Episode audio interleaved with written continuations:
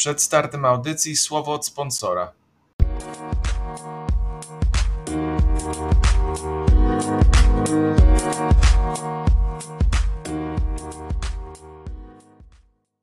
Witamy wszystkich bardzo serdecznie w kolejnym podcaście NFL.pl Radio, ale podcaście specjalnym, bo dzisiaj porozmawiamy nie o NFL, a o lidze akademickiej. E, naszym specjalnym, moim specjalnym gościem e, jest Dominik Kędzierawski. Cześć Dominik.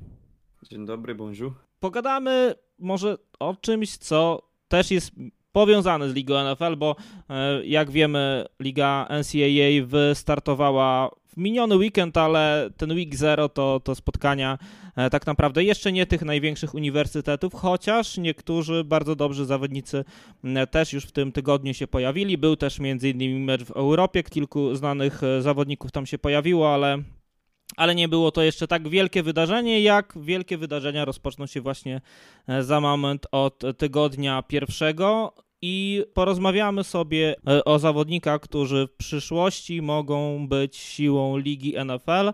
Mm, porozmawiamy też w tym kontekście, by po prostu obserwować ich kroki, ich rozwój w lidze NCAA i to, czy e, później będą mieli szansę zostać wysoko wybrani w drafcie, a w konsekwencji dalej e, zostać gwiazdami e, ligi NFL. Podzieliliśmy sobie tych zawodników na pozycje, by też było sprawnie i zaczniemy od rozgrywających, bo ta pozycja jak zwykle zawsze chyba jest najbardziej pozycją dyskusyjną w tym momencie startu ligi NCAA, startu rozgrywek akademickich. E, wszyscy chcą się dowiedzieć jak najwięcej o tych zawodnikach, którzy za moment będą siłą ligi NFL. No i, i tutaj wybraliśmy e, Brace'a Younga, e, CJ Strauta, Willa Louisa, Antony Richardsona, Jaldena Danielsa, Hendona Hookera i Graysona McCalla. O trzech zawodnikach powiemy więcej, ale najpierw takie pytanie wprowadzające, kto z tych nazwisk wygląda dzisiaj najmocniej, najsolidniej w kontekście ligi NFL Dominik? Przede wszystkim tak też dokładając na szybko do wstępu, pamiętajmy, że to jest taki na wzór e, ranking przedsezonowy. Zawodnicy, o których będziemy dzisiaj mówili, mogą być też zawodnikami, którzy za rok będą e, pominięci w drafcie. W ogóle ich nazwiska mogą zostać wymazane ze wszystkich tablic, bo bardzo dużo potrafi się zmienić. Ale przed sezonem właśnie większość z tych zawodników, e, będziemy przedstawiali zawodników, którzy są właśnie albo na topce swoich e, pozycji, albo zawodników, którzy mogą do tej topki aspirować, albo są ciekawymi nazwiskami wartymi obserwowania, ale mimo wszystko z jakimś potencjałem na pierwszy, drugi dzień draftu. I może I, też e... nie draf- zawodnicy, którzy jeszcze pozostaną w lidze NCAA na kolejny rok, bo też tego, tego jeszcze nie wiemy, jak niektórzy zawodnicy e, po, po trzecim sezonie do, zgłaszają się do drawcu, inni czekają może na ten kolejny swój lepszy sezon i różnie z tym wychodzi. Albo, dokładnie, nawet może się przydarzyć kontuzja. Na liście też mamy jednego z zawodników, który byłby, myślę, zawodnikiem wybranym w drugiej rundzie tegorocznego draftu, ale z powodu kontuzji został na kolejny sezon w uniwersytecie, więc e, wiele potrafi się zmienić. I przechodząc do rozgrywających, przede wszystkim mamy tu wyścig e, dwóch nazwisk, Bryce Young i CJ Stroud. Dwóch rozgrywających o dosyć innej charakterystyce, bo mamy Bryce'a Younga, który jest e, jednym z najbardziej takich accomplished e, zawodników w historii Kalifornii, jeżeli chodzi o rozgrywki licealne.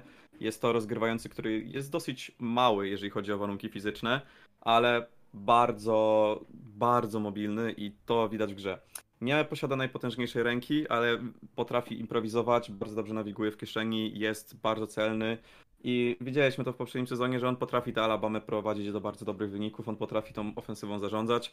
W tym momencie on idzie trochę ścieżką Kylera Murray'a, jeżeli chodzi o styl gry. Z naciskiem, że Kyler prawdopodobnie miał mimo wszystko trochę potężniejszą rękę. W przypadku Younga mamy troszkę yy, no, wiele lepsze ogarnianie tego, co się dzieje na boisku, czytanie gry, przegląd pola. I Bryce Young właśnie myślę może aspirować e, do tego, kim jest Kyler Murray w tej lidze. Pomimo swojej statury, pomimo bardzo małych warunków fizycznych, Kyler Murray nadrabia atletyzmem, Bryce Young robi to samo. Obaj potrafią improwizować w fenomenalny sposób. I zestawiając to z CJ'em Stroudem, który jest zawodnikiem o wiele bardziej tradycyjnym w sensie tego znaczenia, jest e, jest to pocket passer, ale jest to pocket passer z taką dosyć e, zwodliwą, z takim dosyć zwodliwym atletyzmem.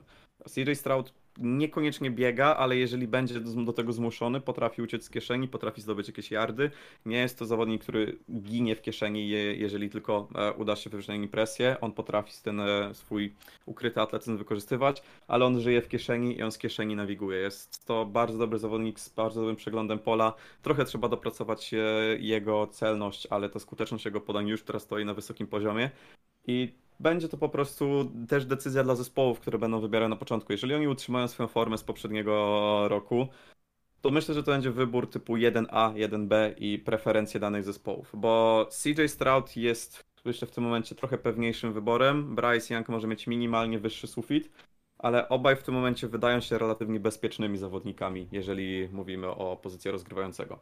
Chociaż oczywiście tendencja jest taka, by jednak starać się wybierać tych mobilnych zawodników i kto wie, może przez to gdzieś będzie prognozowany wyżej, ale no, zobaczymy, jak e, wyjdzie ten sezon Alabamie. Pewnie też główny faworyt do mistrzostwa, zresztą jak zwykle Ohio State podobnie, więc mm, tych rywalizacji z solidnymi, e, weryfikującymi rywalami powinno kilka być i, i zobaczymy, jak wtedy ten duat sobie poradzi. A o trzech nazwiskach chcieli, chcieliśmy powiedzieć troszkę więcej. Antony Richardson, Florida Gators, Jaden Daniels z LSU i Hendon Hawker, Tennessee. Dlaczego, Dominik, ci zawodnicy są ciekawi? Przede wszystkim, a tak jak wspomniałeś, liga idzie w stronę mobilności i CJ Stroud to jest jedyny taki prototyp rozgrywającego, który jest rozgrywającym, grającym stricte w kieszeni. Pozostała szóstka, również dwóch pozostałych zawodników, czyli Will Lewis z Kentucky i Grayson McCall z Coastal Carolina, to są zawodnicy, którzy mają ponadprzeciętną mobilność jak na standardy ligi i którzy wykorzystują tę mobilność w bardzo dużym stopniu w swojej grze. Zaczynając od Antonego Richardsona, jest to zawodnik, który już rok temu budził dosyć dużo ekscytacji, jeżeli chodzi o Florydę. Teraz Floryda oczywiście ma nowy sztab z Billym Napierem na czele. Przebiło mi się to, że nowy sztab Florydy posiada więcej asystentów odpowiedzialnych za pomoc zawodnikom niż samych zawodników w zespole, co jest niesamowitym E, i jakie finansowanie Billy najpierw dostaje i w jaki sposób przemodelowuje kulturę Florydy. Pierwszą osobą, która powinna z tego zyskać ma być właśnie Antony Richardson, który dostaje pozycję rozgrywającego numer jeden. I co możemy o nim powiedzieć? Jest to to jest to atleta, to nie jest rozgrywający, przede wszystkim jest to atleta, jest to fenomenalny zawodnik. Jest to jedna z bliższych kopii Kama Newtona, jeżeli chodzi o styl gry i o warunki atletyczne w ostatnich latach, jaką możemy sobie w ogóle wyobrazić. I to jest takie porównanie, które chyba najbardziej będzie działało na wyobraźnię, bo widzimy przede wszystkim bardzo szybkiego, bardzo potężnie zbudowanego rozgrywającego, który jako biegacz jest w stanie taranować rywali przed sobą i nie boi się tego robić. A jako rozgrywający ma potężną rękę, E, z której nie waha się korzystać i wszystko inne musi dotrzeć. E, jest surowy, Anthony Richardson dopiero powoli uczy się czytać grę. E, z celnością jest powiedzmy, że na średnim poziomie, ale też są poprawki, cały czas nad sobą pracuje. Jest to bardzo ciekawy projekt i sam atletyzm sprawia, że jest zawodnikiem, który przyciąga oczy. I myślę, że to może być ktoś, kto będzie miał bardzo dużo highlightów w nadchodzącym sezonie na kim się będzie skupiała widownia i po prostu będziemy pewnie co tydzień widzieć, że Antony Richardson ma 50-yardowy bieg, posłał bombę i zobaczymy w jaki sposób to, to się rozwinie. Wiemy, że Billy Napier ma doświadczenie w pracy z mobilnymi rozgrywającymi, czyli Levi Lewis w Louisiana Lafayette był właśnie takim zawodnikiem, a Levi Lewis był e, akurat zawodnikiem w modę Kylera Murray'a, aniżeli Cama Newtona, więc jest to ciekawe w jaki sposób to będzie wyglądało.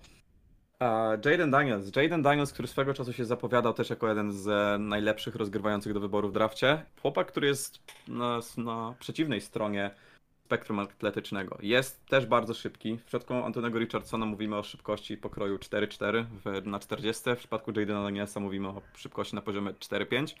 Ale Jaden Daniels jest prawie 60-70 funtów lżejszy. Jaden Daniels jest bardzo szczupłym, e, rozgrywającym i to zawsze było jedno z tych, jeden, to był jeden, zawsze jeden z tych znaków zapytania wobec jego osoby, czy on jest w stanie utrzymywać się fizycznie w futbolu, a co dopiero gdy przejdzie do NFL. Oczywiście trafia teraz do e, konferencji, która jest ligą samą w sobie, której poziom jest zupełnie inny, której poziom jest lepszy niż w większości, no, niż 99% reszty futbolu akademickiego.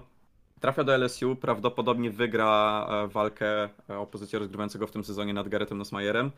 I Jaden Daniels na początku swojej kariery w Arizona State był zawodnikiem, który no, pokazywał ogromny talent. Jego ręka jest bardzo dobra, jeżeli chodzi o, o siłę rzutu. On potrafi być zaskakująco celny. E, problemem jest przede wszystkim e, nierówność. On potrafi być bardzo celny, po czym potrafi posłać piłkę, która jest kilka yardów od skrzydłowego.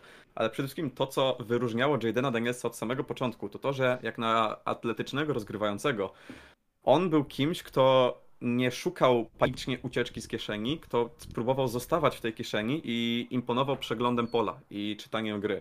I to samo w sobie go wyróżniało, bo już nie, podpadał do tego archetypu mobilnego rozgrywającego, który robi wszystko, by uciec z kieszeni i improwizować. Jaden Daniels jest fenomenalny w improwizacji, pomimo tego regresu, jaki zanotował w kolejnym sezonie w Arizona State jest fenomenalny w improwizacji, ale on się nie boi zostać w kieszeni i przede wszystkim aspiruje do tego, żeby trzymać się w tej kieszeni. Improwizacja jest jego planem B, nie planem A. I dlatego jest intrygującym zawodnikiem. No właśnie, tylko, roz... tylko te LSU i te obciążenia, jak też wspomniałeś, gramy przeciwko najlepszym defensywom ligi. Zobaczymy, jak tutaj będzie się prezentował, bo. Tak, to, to będzie zdarzenie ze ścianą, ale jeżeli właśnie na tym poziomie Jaden Daniels pokaże tę skalę dawnego talentu, on będzie jednym z ciekawszych prospektów do wybrania poza pierwszą rundą. Koniec końców zresztą mamy czterech rozgrywających z tej konferencji, nie wliczając Bryce'a Younga. Bo wspomniany Hendon Hooker, który w poprzednim sezonie przeniósł się do Tennessee Volunteers, też jest takim zawodnikiem. Jest to zawodnik dosyć podobny do Antonego Richardsona, jeżeli chodzi o styl gry. E, powiedziałbym, że no to jest właśnie typ zawod... ten sam typ zawodnika, z naciskiem, że Hooker jest po prostu starszy, jest bardziej doświadczony, to widać na boisku.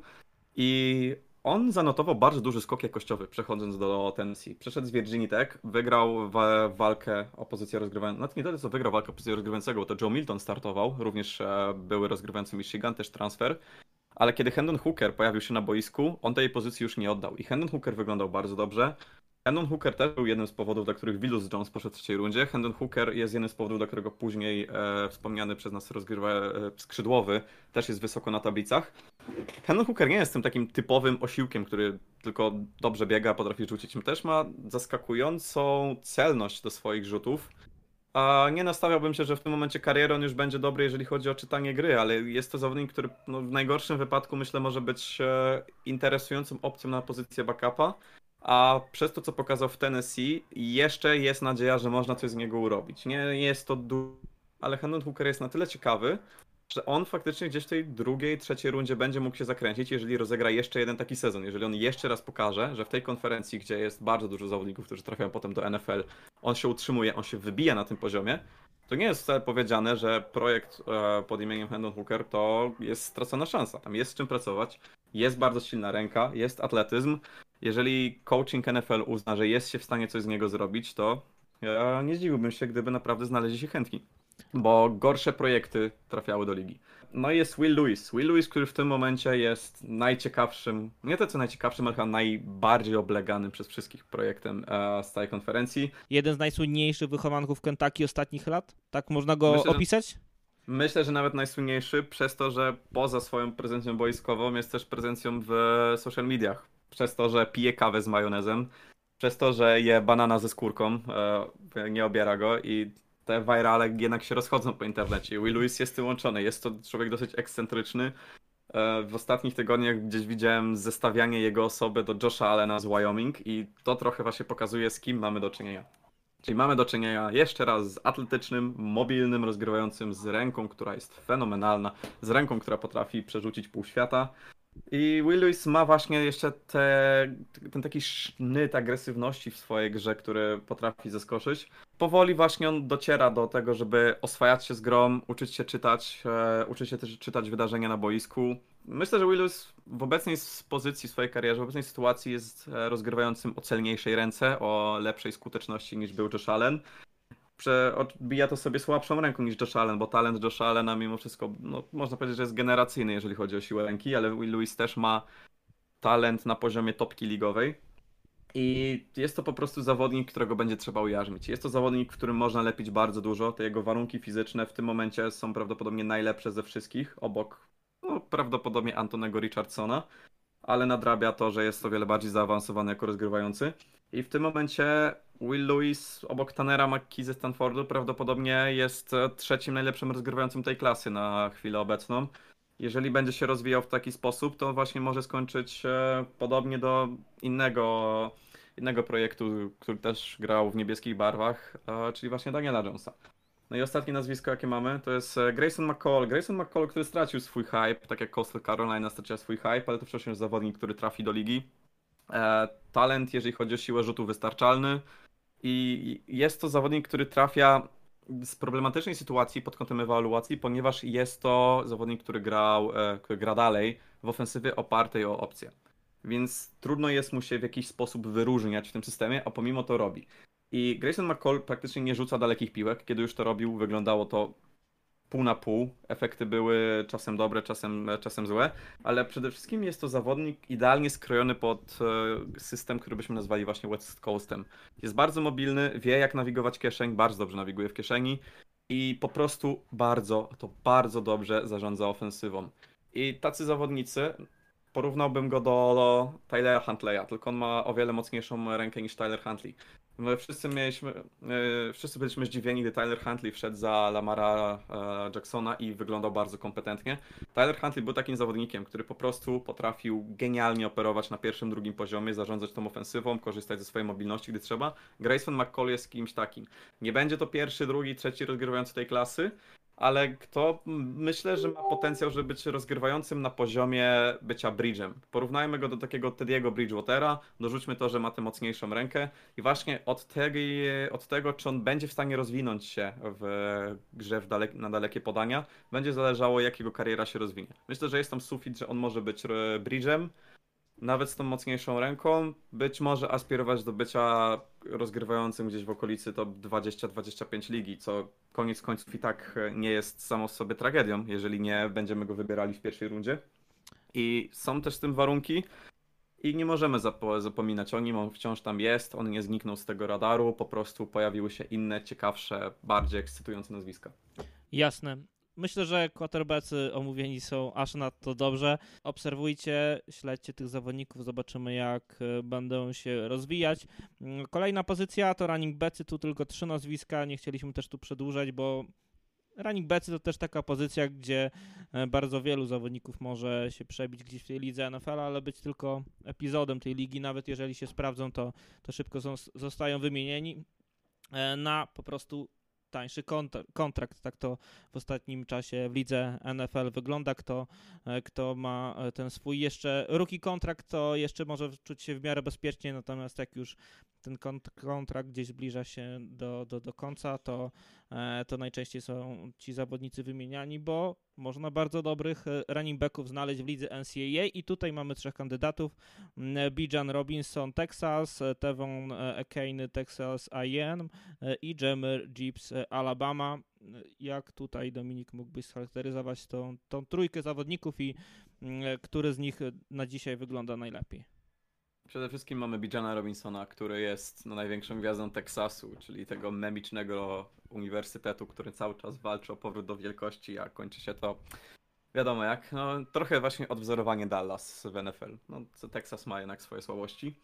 I, ale Bijan Robinson, no nie można odmówić, on jest fenomenalny. Gość jest game changerem, on jest prawdopodobnie najlepszym zawodnikiem na boisku w e, niemal każdym meczu, w którym gra jest pakietem kompletnym, jeżeli chodzi o bycie running backiem i tyle mogę powiedzieć, że jeżeli nie przydarzy mu się żadna poważna kontuzja, on pójdzie w pierwszej rundzie. Pod końcówkę, no, ale pójdzie w pierwszej rundzie. On jest po prostu tak dobry i myślę, że jest chyba najlepszym running backiem dostępnym w drafcie od czasu Sakona Barclaya. Jest bardzo dobry. Devon Kane jest z kolei zawodnikiem, który podpada pod kategorię gadżetów, bo jest to mały, rozg- mały, mały running back, 5'8", e, 170, 180, jeżeli chodzi o wagę, ale przede wszystkim ma zaplecze sprinterskie. Devon Akane jest sprinterem i to widać na boisku. Devon Akane przy okazji jest kimś, kto potrafi stworzyć coś z niczego z piłką w ręce. Jeżeli on jest w wolnej przestrzeni, on jest fenomenalny. Jak na małego e, running backa posiada zaskakującą fizyczność i przede wszystkim bardzo dobrze te dba o piłkę. On nie traci tej piłki, jakbyśmy się bali o tych wszystkich małych running backów. Rozwija się jako receiver i trzeba go traktować w kategorii gadżetu, ale jeżeli James Cook poszedł w drugiej rundzie w tym roku, też mając no, relatywnie małą produkcję i a, też by, będąc zakopanym w roli w Georgii, to Devon Kane też pójdzie w drugiej rundzie i to najwyżej. On jest lepszym zawodnikiem, wnosi więcej, sama szybkość się obroni. To, to już jest jego główna karta przetargowa. A to, że jest bardzo dobrym zawodnikiem, to tylko mu pomoże. I powinien mieć większą rolę w tym roku w Texas A&M. Jeżeli on pokaże się w tej większej roli z dobrej strony, myślę, że ma papiery, żeby być drugim running backiem e, wziętym na tablicy. Jamir Gibbs, czyli klasycznie Alabama, produkuje bardzo dobrego running backa, tu się nic nie zmienia.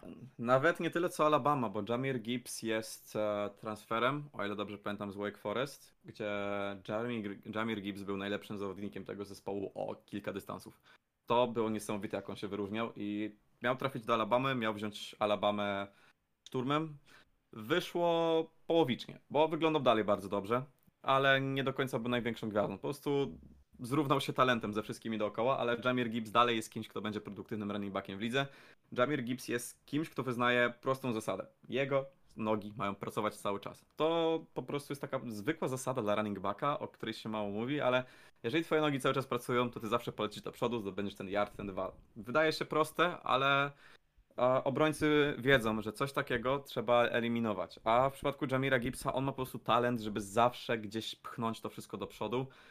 Jest bardzo dobry z piłką w ręce, nie jest tak kompletny jak Bijan Robinson, brakuje mu trochę, jeżeli chodzi o fizyczność, ale jest kimś, kto ma ten szarpany styl gry, gdzie potrafi przyspieszyć od zera do setki w ułamku sekundy i to w jaki sposób potrafi irytować obronę swoją obecnością, swoimi mimikami, zwodami sprawia, że będzie ciężarem do obrony. I też Damir Gibbs, myślę, po prostu w tym momencie jest chyba drugim najlepszym running backiem e, w tej klasie, przez to, że jest też wszechstronniejszy od Ekana, też pracuje nad sobą jako receiver i jest o wiele bardziej normalny, jeżeli chodzi o budowę ciała, bo będą zespoły, które będą się bały tego, że Devon Ekane jest małym running backiem. Okej, okay, przechodzimy do y, skrzydłowych. Y, tutaj wyróżniają się Jackson Smith Jigba, e, Ohio State, Keshon Butley z LSU, Quentin Johnson TCU, Jordan Edison USC i Cedric Tillman Tennessee. Który z tych zawodników no, dzisiaj dla Ciebie wygląda najlepiej, którego chciałbyś e, najszybciej zobaczyć w lidze NC, e, w NFL, przepraszam? Wielu by powiedziało, że to będzie Jackson Smith Jigba, bo pamiętają jego fenomenalny występ z trzema przyłożeniami, pamiętają to, że on zrobił ten występ obok Chrisa Olawy i Gareta Wilsona, którzy poszli w top 15 draftu. Ale z...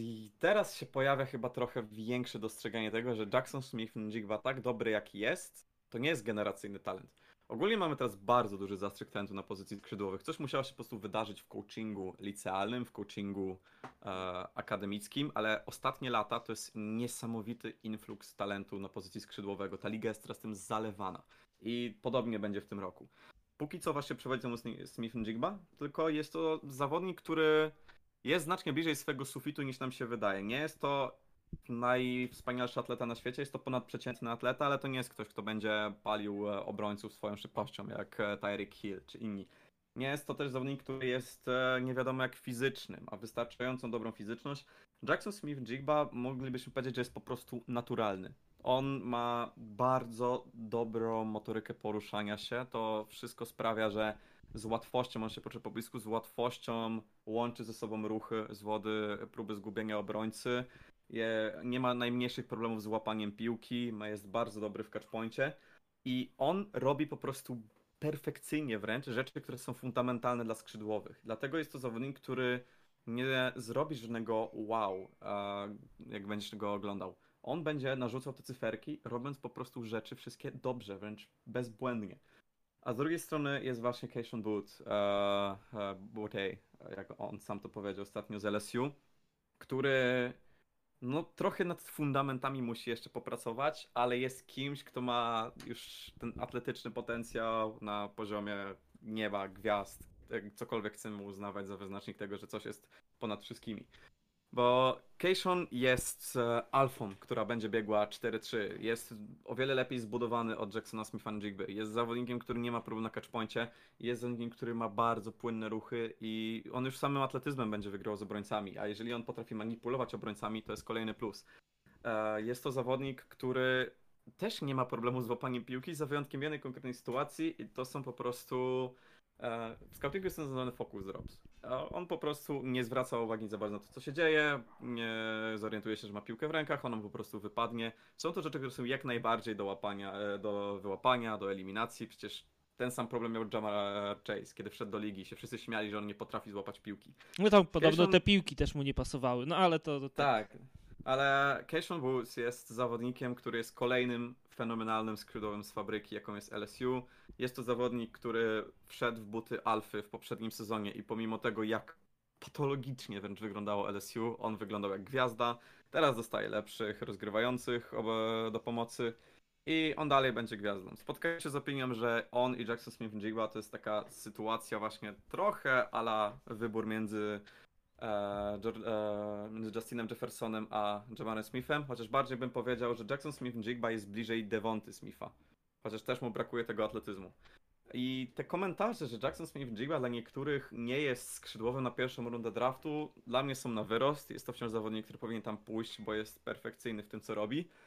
Ale to nie powinien według mnie być skrzydłowy, który pójdzie pierwszy z tablicy, bo trzeba mimo wszystko trochę zaryzykować z tym sufitem. I Jackson Smith-Njigba będzie kimś, kto będzie miał bardzo dobrą karierę w lidze, kto będzie regularnie wrzucał dobre cyferki, patrz Brandon Cooks, ale nigdy go nie wymienisz w topce skrzydłowych. Eee, I taka chyba prawdopodobnie czeka, go kariera. Chociaż nawet Brandon Cooks miała teoretycznie elitarną prędkość, ale to zawsze wiemy, że czegoś... Czasem trzeba mieć ten taki Błysk. wyróżnik, tak, błysk, tę iskierkę, żeby się odbić, e, żeby, żeby odskoczyć od reszty, żeby im uciec. I trochę ciężko się dopatrzyć czegoś takiego u Jacksona. Za to coś takiego wiele osób widzi u Quentina Johnsona z TCU. Zawodnika, który w przeciwieństwie do Jacksona Smitha Jigby w ogóle nie ma żadnej produkcji. On jest w tym momencie ideą. Masz skrzydłowego, który e, jest 6'4 wzrostu, jest fenomenalnym atletą. Jest szybki, jest płynny w swoich ruchach. Teoretycznie dosyć obiecująco wygląda w bieganiu ścieżek, dzięki temu też, że się dobrze porusza, że to nie wygląda jakby on był jednym wielkim klocem, który biega i był sztywny w biodrach. Ale nie ma tej produkcji. Yy, no, Ta produkcja jest bardzo skromna. Co prawda ma te 20 yardów na chwyt, ale to jest nic.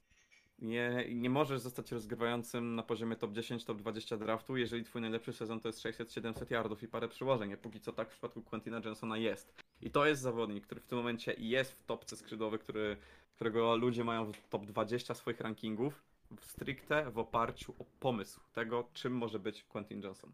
Johnston. Jeżeli on to dowiezie na boisku, to mamy ciekawszą wersję Drake'a Londona do wyboru. Jeżeli on tego nie dowiezie, to jest jeden z pierwszych kandydatów do zawodnika, który po prostu poleci w dół e, w tych tabelach. No to tym bardziej trzeba go obserwować i bardziej może podczas spotkań niż, niż w skrótach, bo jak mówisz, tam możemy, możemy go nie zobaczyć. I pozostał jeszcze duet Edison i Tillman, USC i Tennessee. Co o tych zawodnikach możemy powiedzieć? O Jordanie Addisonie musimy wspomnieć, że wywołał jedną z największych dyskusji, jeżeli chodzi o futbol akademicki, kiedy dostał nagrodę dla najlepszego skrzydłowego roku, a nagrodę Biletnikowa i postanowił, że zmienia zespół. I okazało się, że przyjął bodajże półtora miliona, nawet trochę chyba więcej, za przejście do Lincolna Rileya do USC. I się po prostu rozpętała burza, że ten nowy system transferów to jest żenada, że takie rzeczy mają miejsce i bla bla bla bla bla. Jordan Addison to jest taki skrzydłowy, który zawsze będzie gdzieś za tym top 2, top 3 klasy, a jednocześnie też jest kimś, kto będzie Przyciągał uwagę. produktywny. Tak, e, on przede wszystkim jest produktywny. E, ma bardzo dobry atletyzm. Nie jest to elitarny atleta, ale jest tak, myślę, po prostu ciutkę z, za tym, żeby być elitarnym atletą. I on tym atletyzmem głównie wygląda. E, ma przede wszystkim pojęcie, w jaki sposób też się znajdować sobie przestrzeń na boisku, ale niekoniecznie jest to ktoś, kto raz po raz wkręca obrońców w ziemię. To jest coś, co wymaga dopracowania, ale ma świetne ręce, a pomimo ok warunków fizycznych ma też bardzo długie ręce i to nadrabia jego średni wzrost. I e, Jordan Addison jest też kimś, kto zawsze haruje jako blokujący, kto zawsze się stara, kto zawsze da od siebie tego trochę więcej i dlatego będzie kimś, kogo zespoły będą lubiły. Dla mnie jest to zawodnik, który się zapowiada jako idealny taki skrzydłowy do, skomplement, e, do skompletowania swojego korpusu. Ktoś, kto będzie idealnym uzupełnieniem twojej gwiazdy, e, kiedy masz już swoją alfę w zespole. Bo będzie wiedział, jak wykorzystać swoją sytuację, będzie kimś, na kim będziesz mógł polegać, będzie kimś, kto zawsze będzie po prostu dowoził wyniki. I pojawia się Cedric Tillman, czyli ktoś, kto miał swój breakout w poprzednim sezonie. I kiedy ogląda się Cedrica Tillmana, ja tu trochę widzę takiego, a, nie powiedziałbym, że budżetowego, ale Michaela Thomasa Light, bo masz dużego skrzydłowego, który no, nie imponuje ci twoją e, szybkością, to nie jest skrzydłowy, który będzie zostawiał obrońców ze sobą, ale jest to skrzydłowy, który przede wszystkim jest bardzo dobry w przyspieszeniu, który ma dobry pierwszy krok i potrafi się już samym tym pierwszym krokiem uwolnić. To też jest cecha, która e, wyróżnia Michaela Thomasa. On nie jest szybki, jeżeli chodzi o daleką szybkość, o ten long speed, ale jest kimś, o kim powiedzielibyśmy, że jest quick. Nie jest fast, jest quick. To samo możemy powiedzieć o Cedricu Tillmanie. To samo możemy powiedzieć, jeżeli chodzi o jego mentalność, bo Cedric Tillman jest alfą, e, ma bardzo dobre ma bardzo dobre ręce, ma genialne ustawianie się, jeżeli chodzi o łapanie piłek, ale ma też ten syndrom alfy, czyli on chce fizycznie zdominować swojego rywala. On będzie walczył o tę pozycję, on, e, jeżeli namierzy już jak ma złapać piłkę, on się też tak ustawi, żeby obrońca nie miał nic do powiedzenia. I tacy zawodnicy, nawet pomimo swoich braków atletycznych, dadzą sobie radę. Wciąż Cedric Tillman musi dopracować swoje, e, swój route running, ale jest na potencjał. Przez to też, że nie jest, e, nie wiadomo też, on nie jest bardzo e, e, zwinny, ale jest tam wystarczająco duży potencjał, żeby dał się z tym pracować, żeby on e, dał radę wkręcać powiedzmy 60, 70, nawet i 80% cornerbacków w lidze. Nie będzie to ktoś, kto będzie gubił e, najlepszych cornerbacków, bo ci po prostu się do niego przykleją. Ale to w zamian będzie ktoś, kto będzie w stanie albo będzie próbował zdominować ich fizycznie. I myślę, że Cedric Tillman będzie kimś, kto cały sezon znowu będzie trochę under the radar, ale to jest ktoś, kto pójdzie w tej drugiej rundzie i kto będzie miał bardzo udaną karierę. I o, o, o kim sobie przypomnimy w momencie, jak okaże się, że on został bardzo wysoko wybrany i, i, i wtedy, tak jak mówisz, wszystkie Nawet te taśmy... tyle- Bardzo wysoko wybrany. Patrz, że Michael Thomas właśnie spadł do tej drugiej rundy i wyszło jak wyszło. I myślę, że ich kariery mogą się potoczyć dosyć podobnie, z tym, że no, Cedric Tillman po, po prostu prawdopodobnie nie będzie bił żadnych rekordów. Okej, e, kolejna pozycja to Titandzi. Tutaj mamy tylko duet e, Michael Mayer i Eric Gilbert. Pierwszy wychowanek Notre Dame, drugi, drugi to do, Georgia. Georgia nie po raz pierwszy, nie po raz ostatni dzisiaj w podcaście. Co o tym duecie, Dominik, powiemy. Przede wszystkim powiemy dosyć mało na szybko. No, Michael Mayer, co tu dużo powiedzieć, jest to jeden z najlepszych tight endów e, pod kątem draftu w ostatnich latach. To jest kompletny zawodnik, kompletny tight end. Fenomenalny blokujący, fenomenalny atleta, coraz bardziej się rozwija jako receiver. To jest niekwestionowana jedynka i musiałby się wydarzyć kataklizm, żeby on stracił tę pozycję. A Eric? I te, e, Ari Gilbert, zawodnik, który w tym momencie jest elitarnym blokującym, e, jest elitarnym atletą, to jest mało powiedziane. Ari Gilbert ogólnie się zapowiadał jako ktoś, kto będzie generacyjnym tight endem. To jego warunki fizyczne, jego atletyzm to jest absurd. To, że jak on potrafi zdominować w blokowaniu, to jest kolejna rzecz. Problem e, Arika Gilberta, poza tym, że został e, teoretycznie wyrzucony e, z LSU, chociaż oficjalnie sam odszedł, ale nie, nie dowoził z ocenami. Obok tego Arik Gilbert nie potrafi tworzyć separacji. Jego granie jako receiver polega na tym, że on jest szybki. On jest szybszy, większy, silniejszy od reszty, on w taki sposób chce łapać. On nie ma żadnego pojęcia o tym, jak tworzyć separację. I choć w NFL w określonych przypadkach to będzie działało, to co wyróżnia najlepszych tight endów, Marka Andrewsa, George'a Kittle'a, czy przede wszystkim Travisa Kelsey, to jest to, w jaki subtelny nawet sposób oni są w stanie tworzyć separację. I jeżeli nie potrafisz tego zrobić, to nawet pomimo genialnych warunków fizycznych, skończysz jak O.J. Howard. Czyli masz ten atletyzm, ale nie masz umiejętności tworzenia separacji. A NFL jest ligą, gdzie masz najlepszych atletów cały czas. Więc tam się znajdą zespoły, które dadzą swojego najlepszego atletę na Gilberta i go wyłączą. A nawet nie będą musieli dawać tego. Bo jeżeli on nie rozwinie się w tym e, przypadku w ogóle, to nawet nie będzie trzeba dawać najlepszego atlety. Wystarczy kogoś, kto jest w stanie po prostu porządnie pokryć. I choć się będzie bronił tym blokowaniem i perspektywą tego, czym on może się stać, Arik Gilbert w tym momencie jest po prostu intrygującym projektem dalej. Okej, okay. ofensywni liniowi. Tutaj mamy czterech zawodników e, wypisanych jako potencjalne e, osoby, które mogą w przyszłości coś znaczyć, coś znaczyć więcej w lidze NFL, czyli Peter Skoronski, e, Broderick Jones, e, Paris Johnson i Osiris Torrens. E, co o tych zawodnikach możemy powiedzieć? Peter Skoronski jest e, gotowy do NFL, jeżeli chodzi o technikę. Jest to najlepszy, najlepiej ogarniający aspekty techniczne liniowe w, w całej lidze akademickiej. Jest tym bardzo dobry. I on Jest już rozpoczął ktoś- sezon i chyba też nawet całkiem sezon, nieźle. Tak, w Dublinie. E, Peter Skoronski jest za to zawodnikiem, który po prostu odstaje momentami fizycznie. W NFL nie będzie dominował i to jest coś, co może no, wyhamować jego karierę, że on nie będzie wielką gwiazdą, będzie po prostu dobrym, slash bardzo dobrym e, liniowym.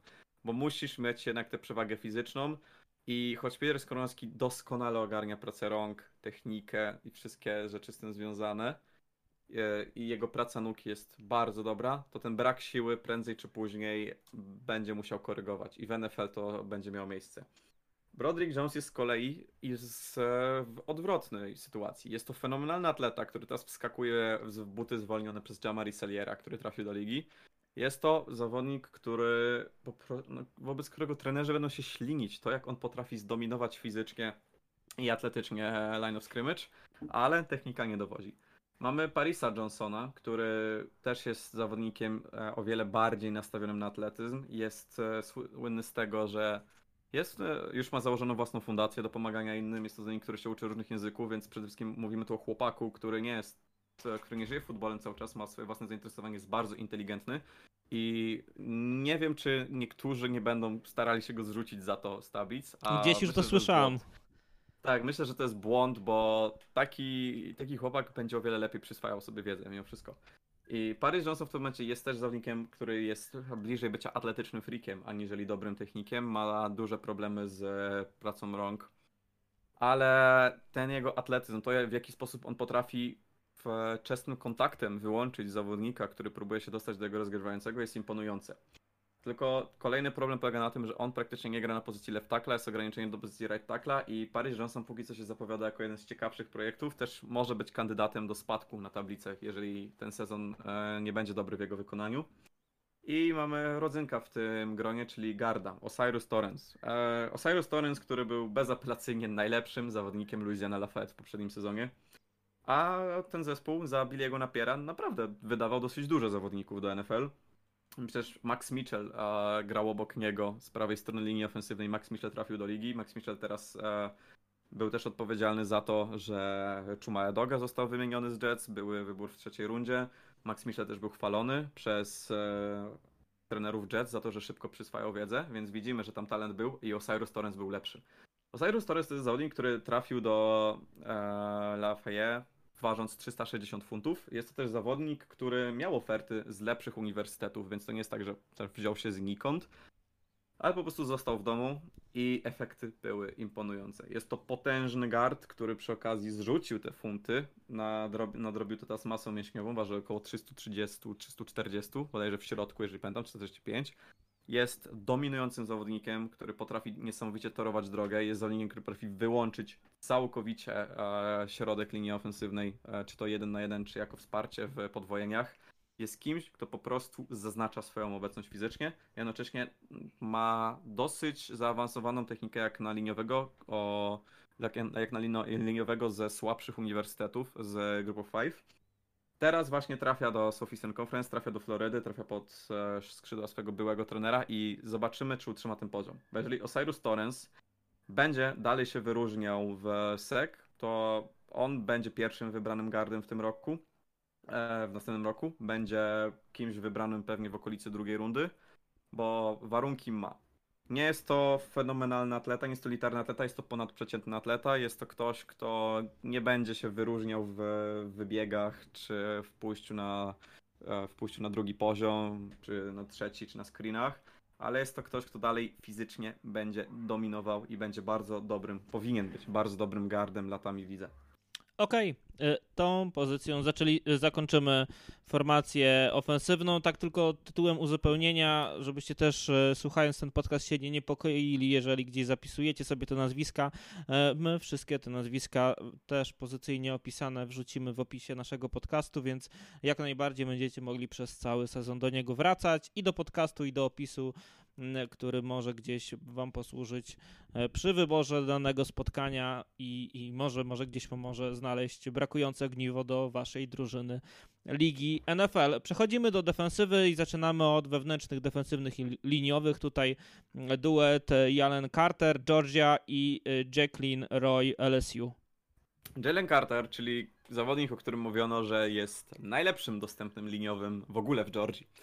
W Georgii, która wygrała tytuł, w Georgii, która miała Devonte Wyatta, który poszedł w pierwszej rundzie, w Georgii, która miała Jordana Davisa, który poszedł w pierwszej rundzie, w Georgii, która miała Travona Walkera, który był pierwszym, e, wybrany z pierwszym e, wyborem ostatniego draftu.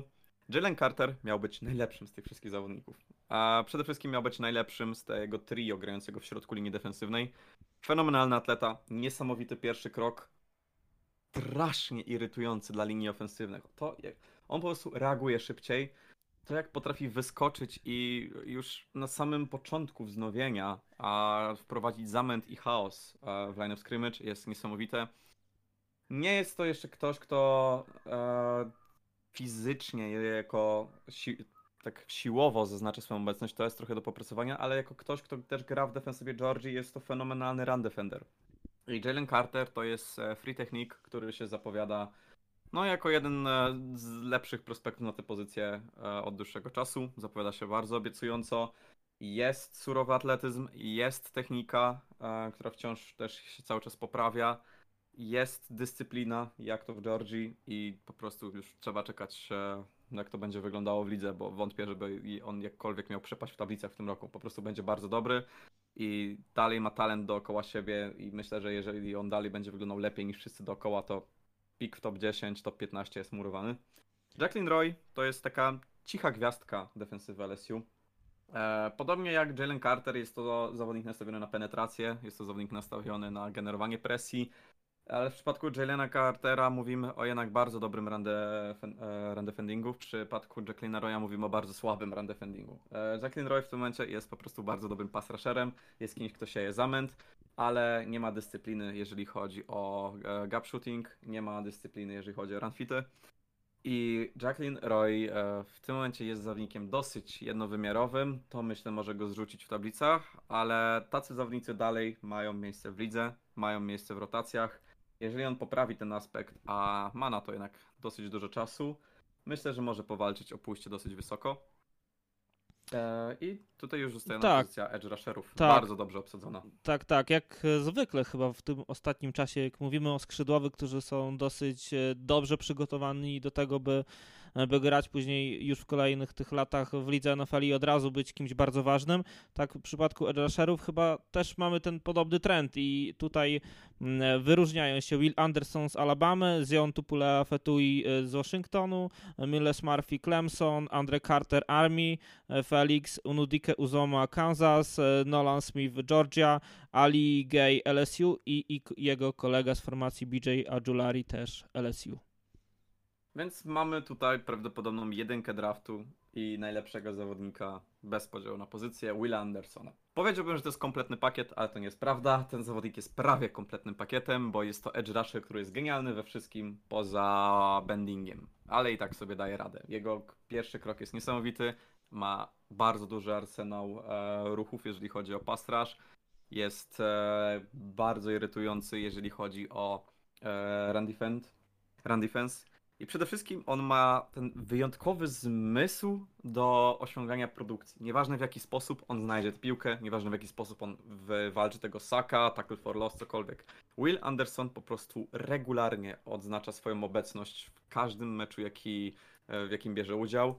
I ta równość, ta, to consistency, z jakim on gra, to go wyróżnia nad wszystkimi. I o, oczywiście obok tego, że jest niesamowitym atletą, jest bardzo dobrym atletą, jest, jest elitarnym atletą i bez porównania nawet do tego, e, jak dobrymi są niektórzy atletami, to Win Anderson od nich odstaje. To jest prawdopodobnie najlepszy pierwszy krok w całej klasie, a mamy tutaj bardzo dużo dobrych atletów. E, i to jest ktoś, kto będzie warty pierwszego wyboru, jeżeli będzie dalej utrzymał swoją produkcję. Następny, myślę, pójdzie Miles Murphy. Miles Murphy, który jest większym edge'em, jest hybrydą trochę IDL-a i edge'a. Eee, 6'6, 270, eee, bardzo fizyczny zawodnik, fizyczny potwór, który zaznacza swoją obecność. Trochę zawodnik w modłę Markusa Davenporta, jeżeli chcemy porównać warunki fizyczne, to jak odznacza się na boisku, tylko w przypadku Markusa Davenporta mówiliśmy o absurdalnej szybkości jak na takie warunki. W przypadku Masa Murphy'ego mówimy o zaskakującej fizyczności i sile. On jest o wiele silniejszy niż wygląda. On ma imponujące warunki fizyczne już sam z siebie, ale on jest jeszcze silniejszy. I jeżeli on nauczy się, jak przekuwać te warunki na produkcję, będzie, do, będzie game changerem.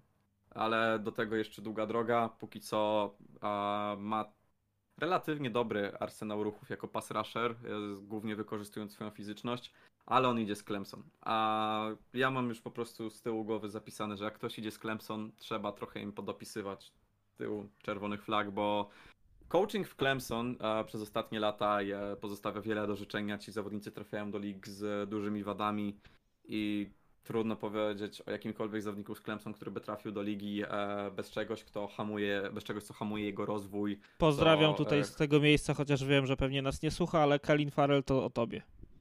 Dokładnie. A na, nawet e, Trevor Lawrence, Lawrence przecież zderzył się ze ścianą. I coaching Clemson jest po prostu czymś, czego nie ufam. Też e, nie wymienimy go dzisiaj, ale oni mają bardzo intrygującego linebackera Treviona Simpsona, ale wciąż to jest Clemson. Ja nie jestem w stanie po prostu ufać teraz tej uczelni. Oni mają bardzo dużą grawitację, jeżeli chodzi o przyciąganie najlepszych rekrutów, ale oni nie potrafią przekuwać tych najlepszych rekrutów w najlepsze prospekty. I to jest bardzo problematyczne dla renomy tego uniwersytetu i Dabo Swineya. E, następny, Zion Pola Fetui. Ten zawodnik ma niesamowitego pecha. Powa doznał poważnej kontuzji, to wyłącza go z gry, a obiektywnie to jest chyba główny kandydat, kto byłby w stanie zagrozić Willowi Andersonowi. A, wow, jego warunki fizyczne, to jest, abs to jest absurdalne, jak on ma warunki fizyczne. To jest 6'6, 280, a mówimy o edge rusherze. To nie jest, on ma warunki hybrydy, on jest w stanie grać jako hybryda, to nie jest hybryda, to jest czystej maści edge rusher, który ma bardzo dobrą szybkość, który ma bardzo dobry bending, który atletycznie jest elitarny, który, podobnie jak Will Anderson, tylko jest o wiele bardziej dominującą prezencją fizyczną. Tylko te kontuzje bardzo go hamują i zobaczymy, czy będzie się w stanie odbić z tej kontuzji, bo jeżeli chodzi o technikę, tam jest wiele do, do poprawy, wiele do rozwoju, ale to może być ulubieniec trenerów formacji defensywnych, jeżeli tylko zdrowie się, jeżeli tylko zdrowie dopisze, bo on może terroryzować wszystkich liniowych od lewej do prawej strony przez wszystkich bez wyjątku. Następny Andre Carter, czyli zawodnik, który przede wszystkim on jest z programu futbolowego Army. To jest już sama w sobie ciekawostka, ale jest to prospekt, o którym nie możemy powiedzieć, że on jest tylko ciekawym historyjką. On jest prospektem, który jest legit to jest zawodnik, który imponuje warunkami fizycznymi. 6'7, 260 i to jest jego główna karta przetargowa. Fenomenalny atletyzm, genialne warunki fizyczne. I pamiętajmy, że to on to wszystko utrzymuje w reżimie, e, reżimie treningowym, jaki muszą e, kadeci przechodzić i, w armii, i w Air Force, i w Navy, więc ci zawodnicy mimo wszystko są cały czas w tych reżimach treningowych. I Andre Carter no i bezapelacyjnie jest najlepszym zawodnikiem na boisku w każdym meczu armii. Odstaje od tych e, pozostałych jego kolegów. I pytanie tylko, czy będzie w stanie przekuć te warunki fizyczne na e, produkcję. Jako run defender dobrze sobie radzi.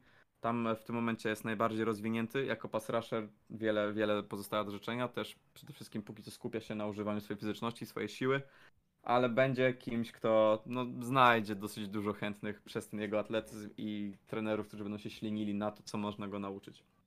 Teraz przechodzimy do czterech zawodników, którzy, e, trzech zawodników, którzy są e, mniejsi, którzy są w tym modłę Edge Rushera, który ma 6'3, 6'4 wzrostu, waży 250 funtów. Zaczniemy od Felixa Nudika Uzoma z Kansas State, który e, zasłynął przede wszystkim z tego, że miał 6 saków w jednym meczu, co jest imponujące. Ale Felix Enrico Uzoma jest też zawodnikiem, który przede wszystkim potrafi przekuć swoje umiejętności w produkcję. E, to się wydaje błahe, ale to jest bardzo ważna rzecz, przede wszystkim dla zawodników, którzy goją za rozgrywającym, że ty musisz potrafić wykorzystywać swoje okazje. Felix Enrico Uzoma jest właśnie takim zawodnikiem. Nie jest to atleta, który wyskakuje z ekranu, jest to dobry atleta. Nie jest to ktoś, kto jest idealny technicznie, jest dobry technicznie, ale jest to mniejszy edge rusher, który jest jednym z najlepszych obrońców przeciwko grze biegowej w ogóle w całym futbolu akademickim. On dominuje e, miejsce, z którego broni. To jest bardzo ważne, bo już to samo w sobie sprawia, że jest zawodnikiem, który będzie, na trzy, będzie grał wszystkie trzy próby, e, jeżeli tylko trenerzy będą tego, będą tego od niego oczekiwali w NFL. E, ma szeroki wachlarz ruchów w pass rushu, ma bardzo dobry pierwszy krok i to jest e, najmocniejsza cecha jego atletyzmu. I jest liderem defensywy, jest zawodnikiem, który potrafi też się komunikować, co jest, co nie jest aż tak ważne w przypadku edge rusherów ale jest to bardzo przydatna cecha pod kątem budowania kultury defensywy, pod kątem budowania zgrania. I Felix Anudikouza jest dla mnie zawodnikiem, który nie będzie wybrany najwyżej, który przepadnie w gąszczu tych wszystkich zawodników, ale on po prostu będzie bardzo solidnym zawodnikiem przez lata w lidze. Nolan Smith e, z Georgii a trochę stracił swojego hypu, który był budowany dookoła jego osoby. Jak przystało na zawodnika z Georgii, jest to zawodnik, który jest fenomenalnym obrońcą przy grze biegowej. Wypisz, wymaluj, do, weź mi dowolnego obrońcę z Georgii, oni są dobrzy przeciwko grze biegowej. Ich dyscyplina jest niesamowita. I Nolan Smith też jest właśnie zawodnikiem, który jest tym edge rusherem 6'4", 250 i nie będziesz biegać przeciwko niemu. To nie, nie ma szans. E, świetny atletyzm, i tyle, bo on nie ma jakiejkolwiek techniki, jeżeli chodzi o pasterz. On ma tylko atletyzm, on ma atletyzm, który polega na tym, że ja będę szybszy od ciebie. Ja, ja, ja cię wyprzedzę. Tyle. Na tym to polega. Nolan Smith nie ma techniki, nie ma jakkolwiek zaawansowanych ruchów przeciwko e, ofensywnym liniowym i to ogranicza jego osobę. I przejdziemy teraz do BJ'a Ojulariego, czyli brata Aziza z New York Giants. Podobny typ zawodnika. BJ Ojulari jest przede wszystkim i tylko i wyłącznie pass rusherem. On jest słaby przeciwko grze biegowej. Jest kimś, kto fizycznie potrafi być zdominowany przez ofensywnych liniowych, ale jest kimś, kto ma bardzo dobry pierwszy krok, kto ma szeroki wachlarz ruchów. Jest kimś, kto jest po prostu irytujący, bo podobnie jak Felix Anudika Uzoma, to jest ktoś, kto nigdy nie odpuszcza. E, to jest też cecha, której właśnie zapomniałem wspomnieć przy Felixie, to jest cecha BJ Ojulariego, on nie odpuszcza. Jeden ruch nie wyjdzie, zastosuje drugi, drugi nie wyjdzie, trzeci. Dopóki nie będzie gwizdka sędziego, on będzie nacierał, próbował, wyrywał się i to jest coś, co będzie działało na jego korzyść. I pomimo rozczarowującego sezonu, jeżeli chodzi o produkcję, myślę, że w tym sezonie on się może odbić, a, bo jest trochę więcej tego talentu, jest też nowy coaching, zobaczymy w jaki sposób na to zareaguje. Potencjał na bycie porządnym edge'em w lidze jest. Okej, okay, tylko jeżeli ma problem z grą biegową, no to trochę czerwona flaga, bo wiemy, że tej gry biegowej w lidze NFL jest coraz więcej. Wiesz co, e, powiem tak, mm, odstaje fizycznie, ale nie nazywam to czerwoną flagą właśnie przez to, że jest kimś, kto nigdy nie odpuszcza. Bo to jest ktoś, kto może zostać pokonany w pierwszym bloku, ale będzie na tyle upierdliwy, będzie wykorzystał swój atletyzm, że on będzie wracał do tej akcji i cały czas będzie się starał zatrzymać. I to jest coś, co go w tym momencie broni, bo dzięki temu nie jest zawodnikiem, który nie może grać w trakcie akcji biegowych, kiedy przewidujemy, że będzie akcja biegowa, który czasem się obroni. Jest to jego duża słabość, ale w, tak jak w przypadku innych zawodników, którzy właśnie mają tę cechę, że nigdy nie odpuszczają, jeszcze dzięki temu da się to jakkolwiek obronić. No i ostatni zawodnik, jego kolega z LSU, bardziej ciekawostka niż e, prospekt na topkę, Ali Gay, czyli zawodnik, który trafia do futbolu akademickiego z Gambii, który gra w Community College, który był taką gwiazdą e, formacji defensywnej LSU w poprzednim sezonie. W tym smutnym sezonie był jednym z niewielu takich jasnych punktów. Ali Gay, który w kontraście do BJ Ojulariego jest fenomenalnym obrońcą przeciwko grze biegowej, ma nosa do piłki, też nigdy nie odpuszcza, ale jako pass rusher po prostu momentami nie istnieje. E, niemniej jest tam trochę nad czym popracować. Jest to bardziej zawodnik w kontekście przedziału rund czwarte, od czwartej do szóstej, ale to jest taki rotacyjny zawodnik, którego po prostu się docenia, kiedy on się pojawia na boisku, bo robi takie małe rzeczy, których wielu zawodników by nie chciało robić. To jest zawodnik takiej od czarnej roboty. I Ali Gay myślę, że w takiej pozycji odnajdzie się w NFL, a przez to, że jest kimś, kto, o ile dobrze pamiętam, będzie pierwszym zawodnikiem NFL, który pochodzi z Gambii i też patrząc na drogę, jaką przebył w swojej karierze, grając w tych e, community college'ach, nagle trafiając na wielki uniwersytet, jeden z największych e, e, programów, w jednym z największych programów futbolowych w, w całej NCAA i daje sobie radę po prostu. On mógł przepaść, a dał sobie radę, wywalczył swoje miejsce. teraz pora, żeby pokazał, że stać go na to, żeby załapać się do NFL.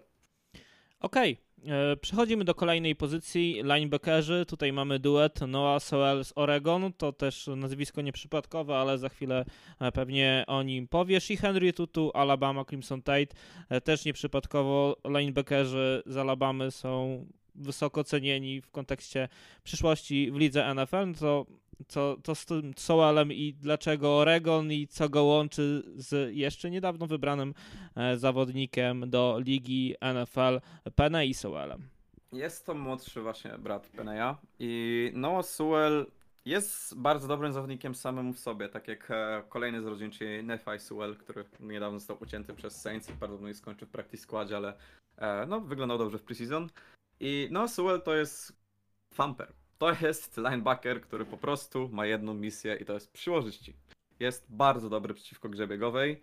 E, w pojedynkę potrafi wyrzucać te akcje, jest fenomenalnym blitzerem. Największy jego problem polega na tym, że on tak średnio się nadaje do krycia. To jest ktoś, kto po prostu e, działa tak, że atakuje, atakuje i tyle. To nie jest ktoś, kto się nadaje do krycia, on nie ma atletyzmu funkcjonalnego do krycia, jest zbyt sztywny w swoich ruchach.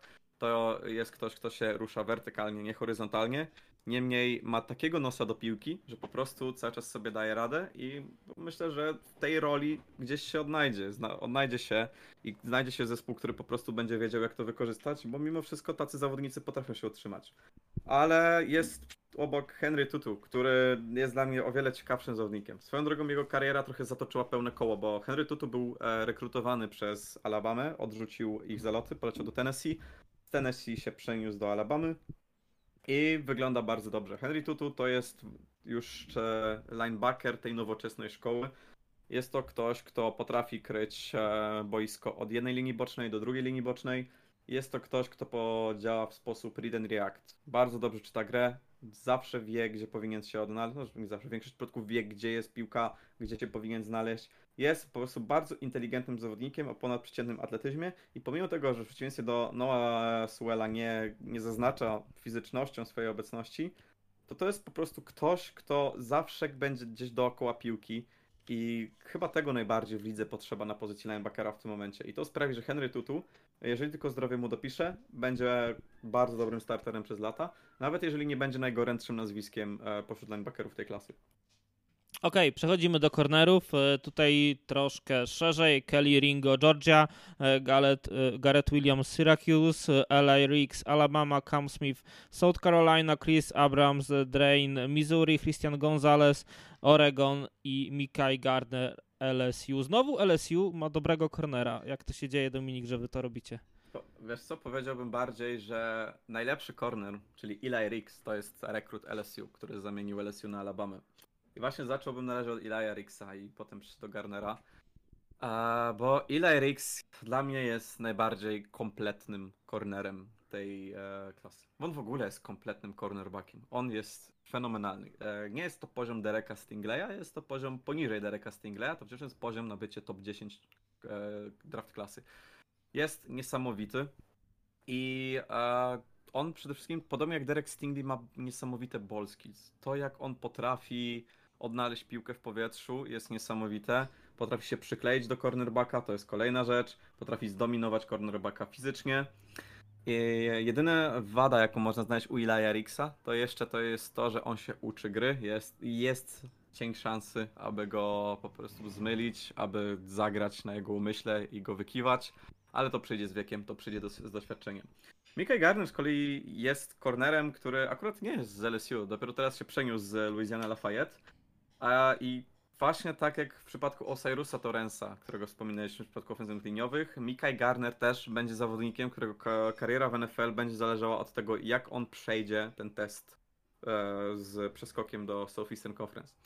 Mikaj Garner to jest bardzo atletyczny i fizyczny cornerback, który po prostu musi wygrać swoją fizycznością i on ma to gdzieś. To jest ktoś, kto chce wygrywać jeden na jeden, to nie jest ktoś, kto chce działać metodycznie, nie chce popełniać błędów, to jest ktoś, kto cały czas gra all-in i jeżeli on nie przepadnie e, w tym gąszczu atletycznych e, skrzydłowych w SEC, on miał bardzo duże problemy z moimi skrzydłowymi, to on się do tej ligi załapie, bo LSU dalej ma bardzo dobry coaching, nawet pomimo tego, że nomen omen Corey Raymond, który był trenerem LSU przez lata, trenerem e, odpowiedzialnym za sekundary, przeszedł do Florydy, czyli przeszedł właśnie do zespołu trenowanego przez starego trenera Mikaja Garnera, to nawet myślę z tym nowym coachingiem Mikaj Garner ma papiery na to, żeby pokazać, e, pokazać się z dobrej strony, ma papiery na to, żeby przedłużyć te, e, prze- przedłużyć to dziedzictwo sekundary, jakie jest w LSU.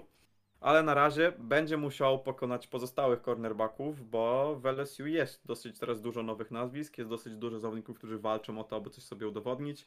I na razie jest najmniej pewny z tych wszystkich nazwisk, ale za to bardzo pewny jest Killy Ringo.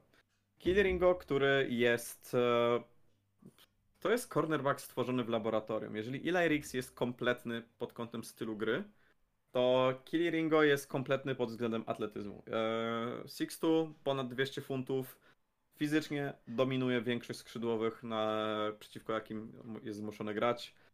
Dominuje przeciwko grze biegowej, bo szok, zero zaskoczenia, eee, jest z Georgii. I jak na kogoś, kto jest tym prototypem wysokiego, silnego cornerbacka, on jest niesamowity, jeżeli chodzi o aspekty motoryczne i ruchowe. On jest tak płynny w swoich ruchach, co że po widzisz takiego dużego cornerbacka, jest, jesteś zdziwiony, że on jest w stanie się tak poruszać.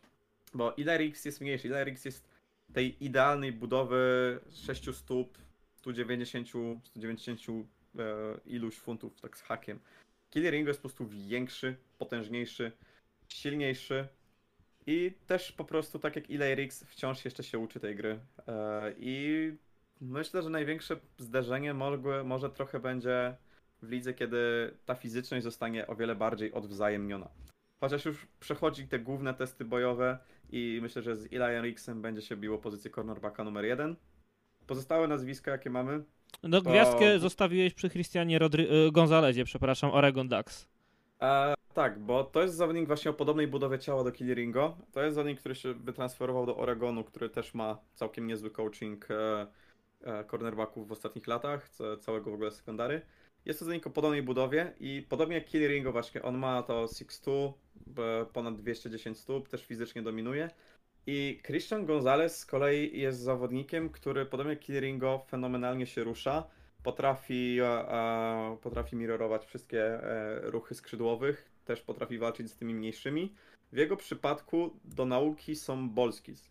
On po prostu potrafi zagubić piłkę w powietrzu, on jest w stanie jej nie odnaleźć, on potrafi za późno albo za wcześnie zareagować. To jest dosyć duża wada, ale jest cornerbackiem, o którym się mówi bardzo mało, a myślę, że to może być chyba cornerback, który najbardziej podskoczy w tablicach przez ten cały rok.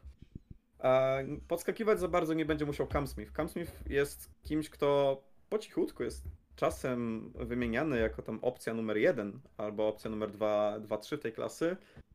E, też e, większy cornerback z dobrym atletyzmem, który próbuje być no, najbardziej fizyczną osobą na boisku w danym momencie. I to go kopnie w lidze. A tacy zawodnicy się zderzają w lidze z tym, że łapią te flagi i e, ta granica tego, na co sobie można pozwolić, jest o wiele mniejsza. I Cam Smith będzie musiał się do tego dostosować. On ma warunki, żeby biegać skutecznie za skrzydłowymi, utrzymy, dotrzymywać im kroku, wyłączać ich z akcji, ale będzie musiał dopracować to bez tak fizycznej gry, jaką w tym momencie oferuje. Niemniej jest to bardzo dobry, e, bardzo dobry cornerback, który ma bardzo dobre ball skills, który ma bardzo dobre recovery. I te papiery, żeby poszedł w pierwszej rundzie są. Tylko będzie musiał się trochę pozbyć tej fizyczności, ale wiemy, że NFL nie ma problemu z wybieraniem cornerbacków, którzy są bardzo fizyczni w pierwszej rundzie. To dla nich jest coś, co można wytrenować. E, pozostała, no już... Garrett to sama Williams jeszcze chyba z Syracuse. y, O nim chyba nie e, mówiliśmy. z- z- Zacznijmy od Garretta Williamsa, który powolutku staje się takim też niedocenianym cornerbackiem, schodzącą gwiazdą na tej pozycji. E, Bardzo dobry atleta, bardzo dobry, jeżeli chodzi o wzory w, w paternowaniu skrzydłowych. On po prostu biegnie te ścieżki razem z nimi. Te, to nie jest e, żaden kłopot. Jest zawodnikiem, który nie ma problemu z byciem fizycznym. Jego główny problem polega na tym, że Garrett Williams po prostu e, chociaż stara się być fizyczny, chociaż ma dobre warunki fizyczne, skrzydłowi są w stanie go stłamsić. Jeżeli ktoś po prostu będzie takim przysłowiowym bully i będzie się nad nim znęcał fizycznie, że będzie silniejszy od niego, to on z Garrettem Williamsem wygra. A Garrett Williams musi się nauczyć radzić z tą fizycznością. I zostaje mój trochę sleeper tej klasy, a nie powiedziałbym, że tak bardzo Christian Gonzalez. Christian Gonzalez już, jest już odkrywany, jest już wynoszony na piedestał. Chris Abrams-Drain jest kimś znacznie ciekawszym przez pryzmat tego, że ma jedną z moich ulubionych ostatnio cech e, w cornerbackach. Czyli to jest były skrzydłowy. Jeżeli ktoś jest byłym skrzydłowym i przechodzi zmiany w cornerbacka, wiesz, że ten zawodnik ma fenomenalne ball skills. W przypadku, e, w przypadku Chrisa to widać. Jest to zawodnik, jest to cornerback mniejszy, 5'11", 180, przez co e, główny zarzut wobec niego to właśnie te warunki fizyczne i to, że będzie no, przez większość skrzydłowych tłamszony, ale jest bardzo dobrym atletą, e, jest bardzo dobry w mirrorowaniu ścieżek, ma fenomenalne recovery. Ja uwielbiam cornerbacków, którzy nawet jeżeli zostaną pokonani, to są w stanie nadrobić e, ten dystans stracony, kiedy piłka jest w powietrzu i wciąż uratować akcję. Recovery jest przede wszystkim też piękny wizualnie i dlatego jest to taka cecha no, przyjemna w oglądaniu sekundary. I Chris Abrams Drain to wszystko ma. W tym momencie on traci kolegów z sekundary, czyli Akeleba Evansa, który został wybrany w, w drafcie i zostaje główną e, gwiazdą defensywy Missouri i zobaczymy jak on ten test zniesie. Ale rok temu wyglądał dobrze. Jeżeli utrzyma taką formę, będzie jednym z moich ulubionych cornerbacków i do oglądania, i do obserwowania przez cały rok. I zostaje nam już tylko safety.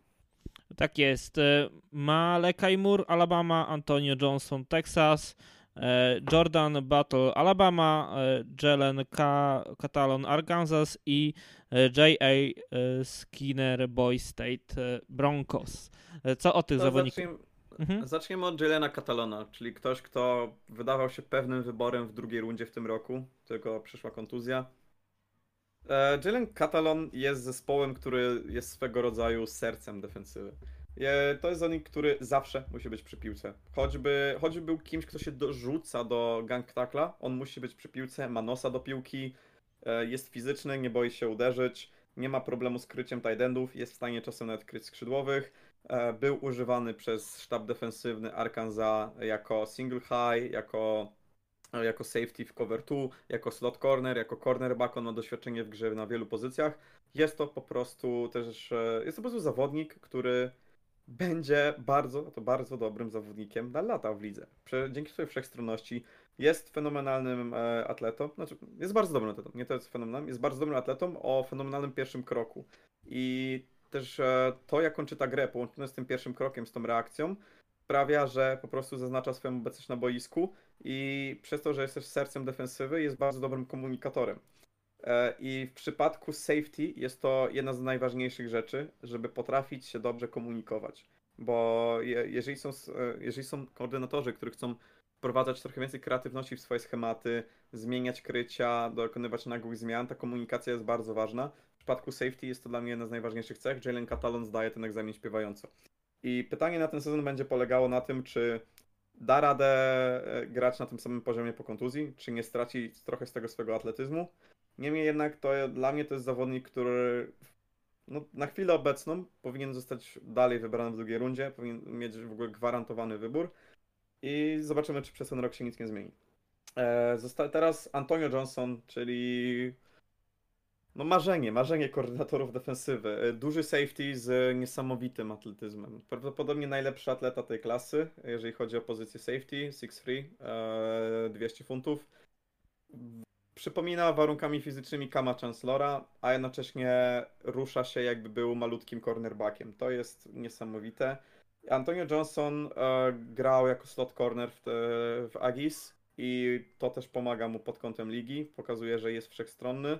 To nie będzie free safety, to też właśnie będzie taki szwajcarski scyzorek defensywy, ale jest bardzo fizyczny, korzysta ze swoich warunków fizycznych, też jest kimś, kto ma nosa do znajdowania tej piłki i na chwilę obecną chyba się zapowiada jako safety numer jeden tej klasy. E, zobaczymy, czy w tym sezonie tylko potwierdzi klasę. Przydałoby się zobaczyć trochę więcej wszechstronności, ale nawet jako slot corner będzie, będzie wybrany dosyć wysoko bo ta granica między jakoś slot cornerem, strong safety, a z pozycją stara się zaciera. W takiej pozycji stara e, gra Malakai Moore w Alabamie, głównie dlatego, że został wygryziony przez Jordana Battle. Jordan Battle jest tym nudniejszym trochę safety z tej dwójki. Jest to typowy, bardzo dobry safety z Alabamy, który ma fenomenalne fundamenty, który nie robi żadnego wow, ale trafia do ligi w tej trzeciej, czwartej, piątej rundzie i jest bardzo porządnym zawodnikiem przez lata. To jest Jordan Battle. I Jordan Battle niemal nie popełnia błędów, jest bardzo inteligentny, dobrze kryje strefę, nie jest fenomenalnym atletą, ale po prostu nie zawodzi. Malakai Moore jest trochę większą e, taką dziką kartą w defensywie. Jest to były cornerback, który dalej też gra czasem na pozycji cornerbacka. Jest to zawodnik o bardzo dobrych instynktach, jeżeli chodzi o, e, o reagowanie do piłki, do tego, co się dzieje na boisku, ale jest to ktoś, kto chyba za często, jak na byłego cornerbacka, potrafi gubić krycie. Ale Malakai Moore jest kimś, kto jest o tyle intrygujący, że właśnie nie można rotować na każdej pozycji w sekundary. To taka wszechstronność jest w cenie. E, jest tam bardzo dobry atletyzm Malaka Mura, są ball skillsy jak u byłego cornerbacka. Teraz kwestia tego, żeby on to trochę wszystko potrafił przekuć w grę na boisku, bo Jordan Battle go właśnie wygryzł. Malakai Moore stracił tę pozycję, to wszystko na papierze jest, ale też musi się wyrobić jako tackler, bo Jordan Battle jest bardzo pewnym tacklerem, Malakai Moore niekoniecznie. Malakai Moore jest bardzo słaby z kolei w tackling i ta fizyczność, że jemu brakuje trochę też tych funtów, sprawia, że musi sobie radzić na razie w pozycji stara albo cornerbacka. Ale który z tych, A... E, z tych zawodników, który, o których teraz mówisz, ma potencjał, by zostać wybranym w pierwszej rundzie draftu na przykład, czy, czy jednak nie ta Antonio, skala? Antonio Johnson. Antonio Johnson zdecydowanie i jeżeli wróci do starej formy, to Jalen Catalon. W przypadku Manakaja Mura i Jordana Battle mówimy o suficie na drugą rundę. I e, chciałem jeszcze wrócić do tego, że pozycja stara, czyli właśnie tej hybrydy slot cornera i strong safety jest też o tyle e, w tym swoim archetypie niepasująca do Malakai Mura, że tam jednak trzeba mieć trochę tych funtów w masie mhm. mięśniowej, czy po prostu w masie. Malakai Mur tego na razie nie ma. I on musi też się zdecydować w końcu, e, czy idzie jako cornerback pod kątem ligi, czy przynosi się już całkowicie jako safety. I to będzie ten sezon dla niego być albo nie być, bo sufit jest bardzo duży, tylko on musi odzyskać swoją pozycję na boisku i tam właśnie to na niego czeka. Ale ma ten plus, że jeżeli zostanie tym starym w Alabamie na cały sezon, to ta pozycja pozwala pokazać bardzo dużo z wszechstronności i to obok jego atletyzmu może mu załatwić właśnie wejściówkę do drugiej rundy. A w drugiej rundzie, myślę, bez trudu znajdzie się J.L. Skinner. Ogromny, ogromny safety i Mieliśmy już dużo e, atletycznych, wysokich safety. Patrzmy na byłego lopa twojego zespołu, czyli Obiego Melinfonu, czyli no, atletyzm to nie wszystko. J.L. Skinner nie jest tym prototypem hybrydy z niesamowitym atletyzmem. J.L. Skinner jest po prostu kimś, kto się znęca nad ofensywą na boisku. Ogromny safety z bardzo dobrym atletyzmem, który jest przede wszystkim świetnym taklerem, który potrafi wyłączyć tight endów z gry, który radzi sobie nawet z wybranymi skrzydłowymi, a jednocześnie jest też sercem defensywy i jest fenomenalny w komunikacji. I J.L. Skinner jest chyba tym corocznym safety z mniejszego uniwersytetu, który się wybije do góry, bo on jest po prostu bardzo dobry. Nie powiedziałbym, że jest zawodnikiem kompletnym, ale jest to ktoś, kto będzie tym niżej grającym safety e, w schematach defensywnych i będzie wyróżniającą się postacią defensywy, bo jest po prostu bardzo dobry i jest też zawodnikiem, który po prostu nigdy nie odpuszcza. I J.L. Skinner, jeżeli ktoś chce obserwować, to jest jeden z najprzyjemniejszych zawodników do obserwowania, bo on cały czas się pcha do tej piłki, będzie szedł na blice, będzie się zajmował y, cornerami, tight endami, więc można zobaczyć kogoś, kto jest wszechstronny, kto zaznacza swój wpływ na, na boisku, i kto przy okazji jest główną gwiazdą swojej, y, swojej formacji defensywnej. Bo to możemy jeszcze tylko powiedzieć o Katalonie. E, a Antonio Johnson będzie kimś, kto będzie walczył o to, żeby pierwszy raz od paru lat Texas A&M miało zawodnika z defensywy wybranego w pierwszych e, dwóch dniach, albo w pierwszych dwóch rundach, o ile dobrze pamiętam. Więc każdy z tych zawodników, myślę, ma coś do udowodnienia i pozycja safety może być mocno obsadzona w tym roku. Ale każdy z tych zawodników, no chyba poza J.Alem Skinnerem ma coś do udowodnienia i musi pokazać, że oni mają, e, muszą odpowiedzieć na te pytania, żeby pokazać, że zasługują na to miejsce, e, w którym się ich teraz wymienia. Ale zapowiada się póki co dobrze.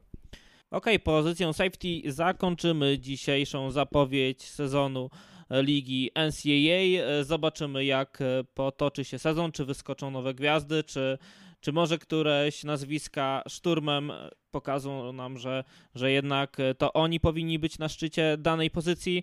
Pewnie usłyszymy się pod koniec e, sezonu ligi NCAA albo tuż po finale NCAA i zobaczymy, jak, e, jaka będzie weryfikacja dzisiaj wspomnianych prospektów. Natomiast za dzisiaj dziękuję Wam Karol Potaś. Oraz Dominik Kędzierawski. Cześć. Cześć.